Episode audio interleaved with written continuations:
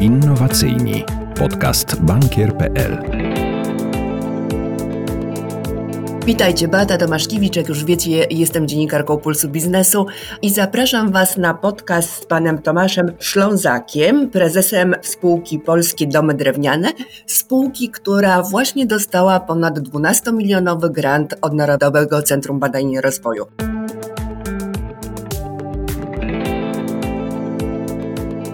Panie prezesie, na co przeznaczycie ten kapitał? Ten grant z NCBR jest przeznaczony na wdrożenie i opracowanie i przebadanie polskiej technologii przygotowania i wdrożenia drewna klejonego poprzecznie, czyli na mikrowczepy. To jest takie drewno, które jest spięte i sprasowane w taki sposób, łącząc poprzeczne jego właściwości i wytrzymałość na ściskanie oraz rozciąganie wzmocnić go do takiego poziomu, by było podobne w swoich właściwościach do stali. I na to właśnie dostaliśmy to dofinansowanie. Jest to spora suma, jest to jedna z największych sum, jakie ostatnio widziałem NCBR udzielił komuś, ale też technologia, którą staramy się opracować jest bardzo innowacyjna i może przynieść duże zmiany, jeśli chodzi o polski rynek budowlany. Do tej pory takie płyty były sprowadzane z zagranicy. Dlaczego chcecie tworzyć polską technologię? Przede wszystkim uważamy, że polski potencjał drewna na to zasługuje. W Polsce mamy dominantę gatunkową w postaci sosny i ta sosna zasługuje na więcej. To znaczy zasługuje na to, by powstawały z niej bardziej zaawansowane produkty niż w tym momencie ma to miejsce.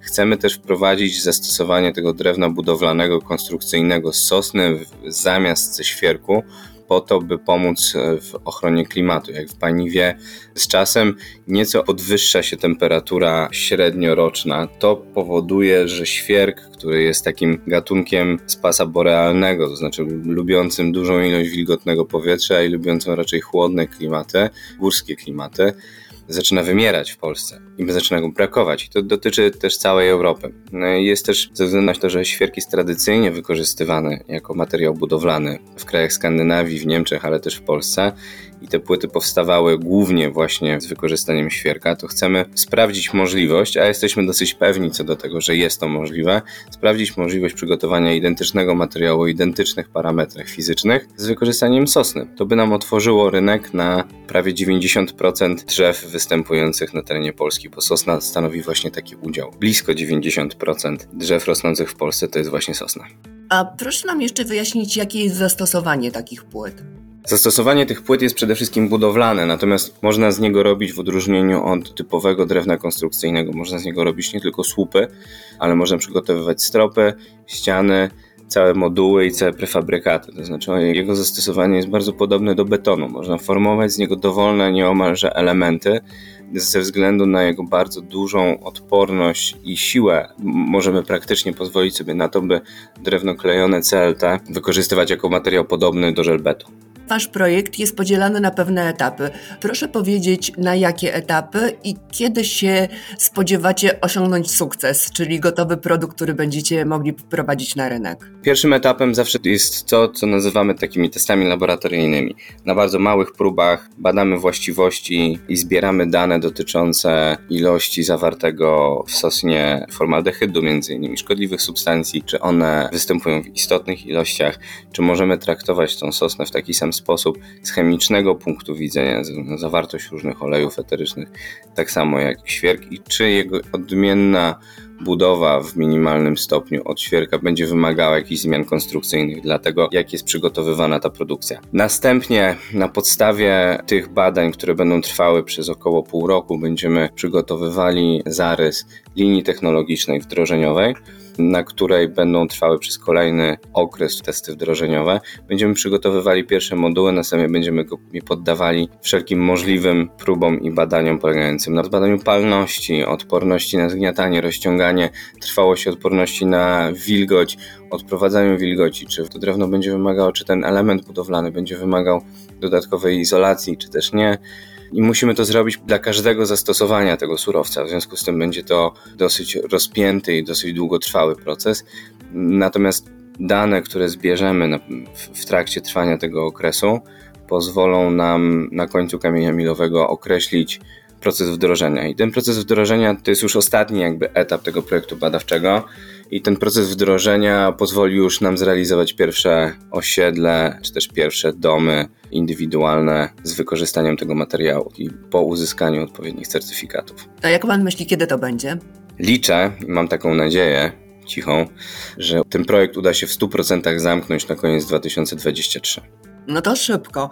Panie prezesie, jesteście w sumie dosyć młodą spółką, bo jeśli dobrze pamiętam, to spółka powstała w 2019 roku. Tak jest, spółka powstała we wrześniu 2019. Czy to jest pierwszy grant, który otrzymaliście z Unii Europejskiej i jaka w ogóle była idea powstania spółki Polskie Domy Drewniane? Pierwszą zasadniczą ideą, tą jakby do której ja się przekonałem w momencie, kiedy startowałem w konkursie na prezesa spółki, była realizacja osiedli mieszkaniowych w systemie zleconym. Zrealizowaliśmy pierwsze dwa osiedla, w tym momencie jesteśmy w trakcie no już de facto budowy, bo już przekazaliśmy plac budowy jednego takiego kameralnego, kolejnego osiedla kilkunastu domów, a właściwie pierwszego etapu większego osiedla kilkudziesięciu domów. Na razie powstaje te pierwsze kilkanaście.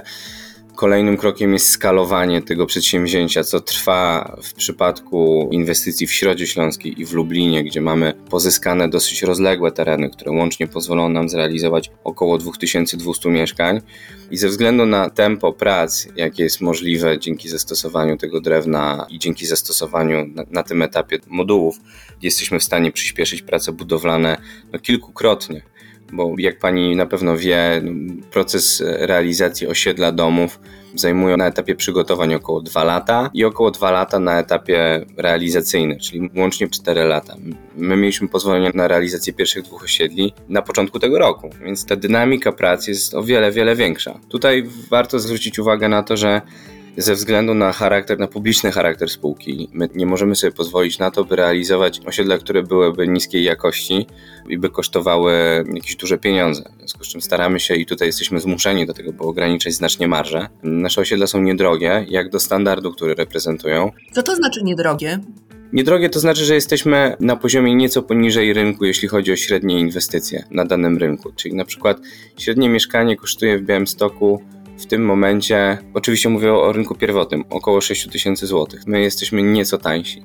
Wydaje mi się, że z tego co pamiętam, nasze ceny zaczynają się na terenie inwestycji w powiecie białostockim od 5400. W Łodzi średnia cena mieszkania to jest około 7000 zł. Nasze ceny tam to jest około 6300. Więc jest pewna różnica, jesteśmy nieco tańsi, ale ze względu na fakt braku posiadania własnej technologii, własnego potencjału realizacyjnego, nie jesteśmy w stanie zaoferować takich cen, które byłyby na przykład 40 czy 50% poniżej rynku. I tutaj dopiero w perspektywie kolejnego roku, tego 2022, liczymy na to, że uda nam się pozyskać taki pełny własny potencjał realizacyjny, między innymi dzięki temu projektowi CLT. No i dzięki wejściu w komitywę i dzięki realizacji wspólnych zadań z przedstawicielami branży, z wykonawcami, u których pozyskujemy moce produkcyjne, którzy teraz od przyszłego roku pomogą nam realizować zlecenia indywidualne. To znaczy, człowiek, który będzie posiadał działkę, czy posiada jakąś działkę i chciałby mieć własny dom w jakimś określonym miejscu, będzie mógł się zgłosić do nas poprzez formularz kontaktowy, otrzymać wycenę domu, wybrać projekt, następnie po 5-6 miesiącach się wprowadzić do nowego domu. Taki jest zamiar na 2022 oprócz tego projektu CLT i kolejnym takim istotnym z mojej perspektywy projektem, o który bardzo walczymy ze względu na misję Narodowego Funduszu Ochrony Środowiska. Udziałowca. Czyli naszego głównego 99% udziałowca jest realizacja budynków publicznych w Polsce budynki publiczne niestety no, są na ogół w kiepskim stanie technicznym, jeśli chodzi o energooszczędność również. To podwyższa koszty funkcjonowania całej administracji publicznej ze względu na wysokie zużycie energii. Tutaj mówimy też przede wszystkim o przedszkolach. Chcemy, by przedszkola i żłobki były i szkoły były zdrowe dla dzieci, były energooszczędne, więc istotnym projektem dla nas jest też projekt realizacji przedszkoli, żłobków i szkół we współpracy z samorządami, bo jak wiemy, ta infrastruktura kuleje. Dynamiczne rozwijanie się miast, rozlewanie się miast, szczególnie w ostatnich dwóch latach, trochę na skutek pandemii, wywołało taką potrzebę, że tej infrastruktury publicznej w niektórych miejscach w ogóle nie ma, w niektórych gminach w ogóle nie ma, a w niektórych bardzo szybko rozwijających się miejscach, na przykład na obrzeżach Warszawy, jest ona po prostu niewystarczająca. I takim sposobem na to, by załatać tą dziurę, i poprawić znacznie jakość funkcjonowania usług publicznych na terenie tych gmin, są właśnie szkoły i przedszkola drewniane, powstające szybko, zdrowe, energooszczędne, z punktu widzenia mojego przynajmniej mające same zalety. Panie Tomaszu, właśnie się o to chciałam zapytać, dlatego że się na swoich stronach bardzo chwalicie ekologicznością swoich budynków. Chciałam się zapytać o tę ekologiczność, na czym ona polega i gdzie są Wasze przewagi konkurencyjne. Ekologia zastosowania surowców naturalnych polega przede wszystkim na odnawialności. Nie wszyscy jakby wierzą w to, że drewno przy wycięciu stanowi surowiec odnawialny i samoregenerujący się. No, wymaga to człowieka i wymaga nasadzenia nowego lasu, ale to drewno, które jest certyfikowane, pochodzi z certyfikowanych upraw leśnych, jest e, niewątpliwie jedynym znanym budowlanym surowcem, który się sam jest w stanie zregenerować. Takim elementem dodatkowym jest fakt, że drewno de facto magazynuje dwutlenek węgla. I im dłużej znajduje się ono w wykorzystaniu, im dłużej funkcjonuje w obrocie produkt pochodzący z drewna, tym dłużej ten dwutlenek węgla nie trafia do atmosfery, do gleby, nie wzmacnia efektu cieplarnianego. My rocznie na świecie emitujemy 50 miliardów ton dwutlenku węgla i taki jeden dom to jest około 250 ton dwutlenku węgla. To znaczy łącznie, jeśli byśmy to zsumowali, to budownictwo tradycyjne, to betonowe, emituje około 30-40% dwutlenku węgla i gazów cieplarnianych w ogóle do atmosfery. Podobnie jest z energetyką. Energetyka to jest około 25% emisji gazów cieplarnianych, związku siarki i dwutlenku węgla do atmosfery. Jeśli więc jesteśmy w stanie zbudować dom, który nie emituje dwutlenku węgla, tylko go magazynuje i nie kosztuje atmosfery dodatkowych obciążeń, nie wywołuje tych dodatkowych obciążeń po stronie środowiska, no to z całą pewnością możemy stwierdzić, że jest to produkt, który jest ekologiczny i widać to także w trendach globalnych. Coraz więcej powstaje drewnianych budynków, coraz więcej powstaje budynków, które są zaprojektowane w sposób energooszczędny z wykorzystaniem jak największej ilości zdrowego i długotrwałego drewna i wydaje mi się, że to jest bardzo dobry trend, bardzo taki przyjazny człowiekowi też. Chciałam się też zapytać, z czego się finansujecie, no bo ja rozumiem, że oczywiście budujecie na sprzedaż, ale zanim sprzedacie, to musicie sami zainwestować. Mówi się też bardzo o tym, że właściwie wszystko na rynku budowlanym drożeje, ale ceny drewna ponoć poszybowały. Więc skąd bierzecie finansowanie, ale także skąd bierzecie surowce? Finansowanie jest dosyć proste. My w tym momencie pierwsze inwestycje, by pozyskać wiarygodność kredytową i pozyskać zdolność kredytową, sfinansowaliśmy z kapitału zakładowego, który wynosił 50 milionów złotych.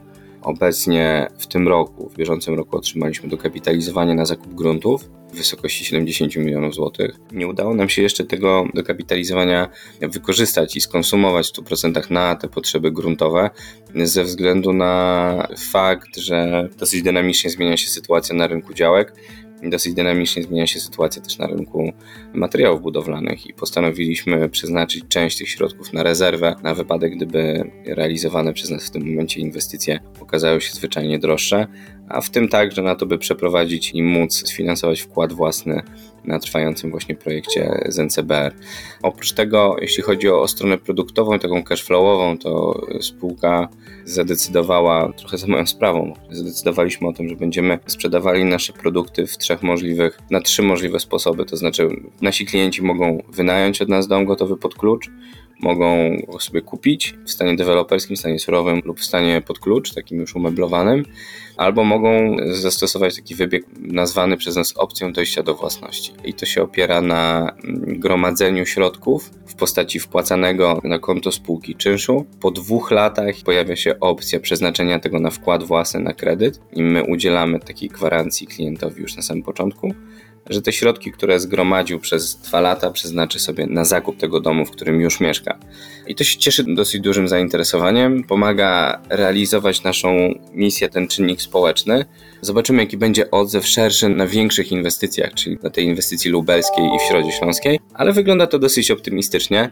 Mam nadzieję też, że w tym roku, w 2022, czyli już nie w bieżącym, ale w kolejnym, uda nam się zdobyć finansowanie bankowe i finansowanie kredytowe dla tej największej naszej inwestycji, to znaczy inwestycji w Środzie Śląskiej na pierwszy etap. Tutaj toczymy z bankami, oczywiście przy wsparciu Narodowego Funduszu Ochrony Środowiska, prowadzimy z bankami rozmowy na temat pozyskania finansowania na około 50 milionów złotych w postaci kredytu. Powiedział Pan, jakie są plany na 2022 rok? Powiedział Pan, jak wykorzystacie środki z NCBR-u?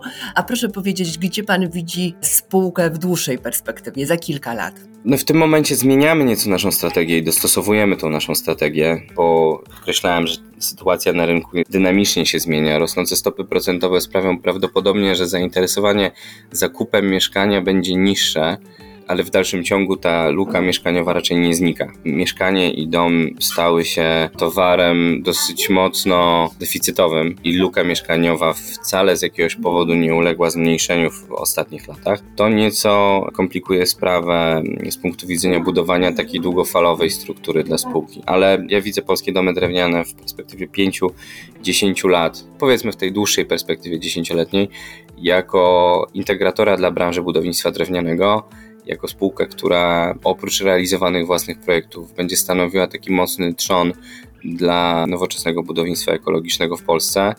Mam nadzieję, że w tych ostatnich dwóch latach udało się wykształcić fajną kadrę, która wzmocni jeszcze bardziej ten sektor w Polsce w kolejnych miejscach i że będziemy w takim miejscu, które z punktu widzenia już tego popytu będzie generowało stabilny, trwały popyt na poziomie około 15% całej branży budowlanej. To znaczy nie mówię, że polskie domy drewniane zagospodarują cały segment tych 15%, tylko że mniej więcej 15-20% domów nowo powstałych w Polsce to będą budynki oparte o strukturę drewnianą, będą energooszczędne. No taki jest cel. My gonimy pod wieloma względami Zachód, to znaczy gonimy Niemcy, gonimy Czechy nawet tak naprawdę, ale i też Francję Nieco pomaga nam regulacja, nieco regulacji wciąż jeszcze brakuje, która by wspierała budownictwo ekologiczne w Polsce. Francuzi poszli bardzo daleko w ostatnich latach i jak to Francuzi zadekretowali, że wszystkie nowo powstałe budynki użyteczności publicznej muszą być co najmniej w 50% składać się z drewna. Ja wolałbym tego w Polsce uniknąć i na razie staramy się stymulować tą stronę podaży i wykształcić naszych partnerów na rynku. Jeśli powstanie zgodnie z moimi zamierzeniami platforma, która będzie integrowała branżę budownictwa drewnianego i rzeczywiście domy do 70 metrów bez pozwolenia na budowę będą się cieszyły dużym zainteresowaniem, to wydaje mi się, że tam wizja za te 10 lat takiego silnego segmentu branży budownictwa drewnianego jest jak najbardziej zrealizowana. I ta strategia takiej ciągłej, ustawicznej ekspansji i budowania stabilnej branży wydaje mi się, że się opłaci. Nie pozostaje mi nic innego, jak życzyć Panu spełnienia tych marzeń, planów, realizacji strategii. Dziękuję Panu pięknie za to spotkanie i mam nadzieję do usłyszenia niedługo. Ja również serdecznie Pani dziękuję, pozdrawiam. Innowacyjni. Podcast bankier.pl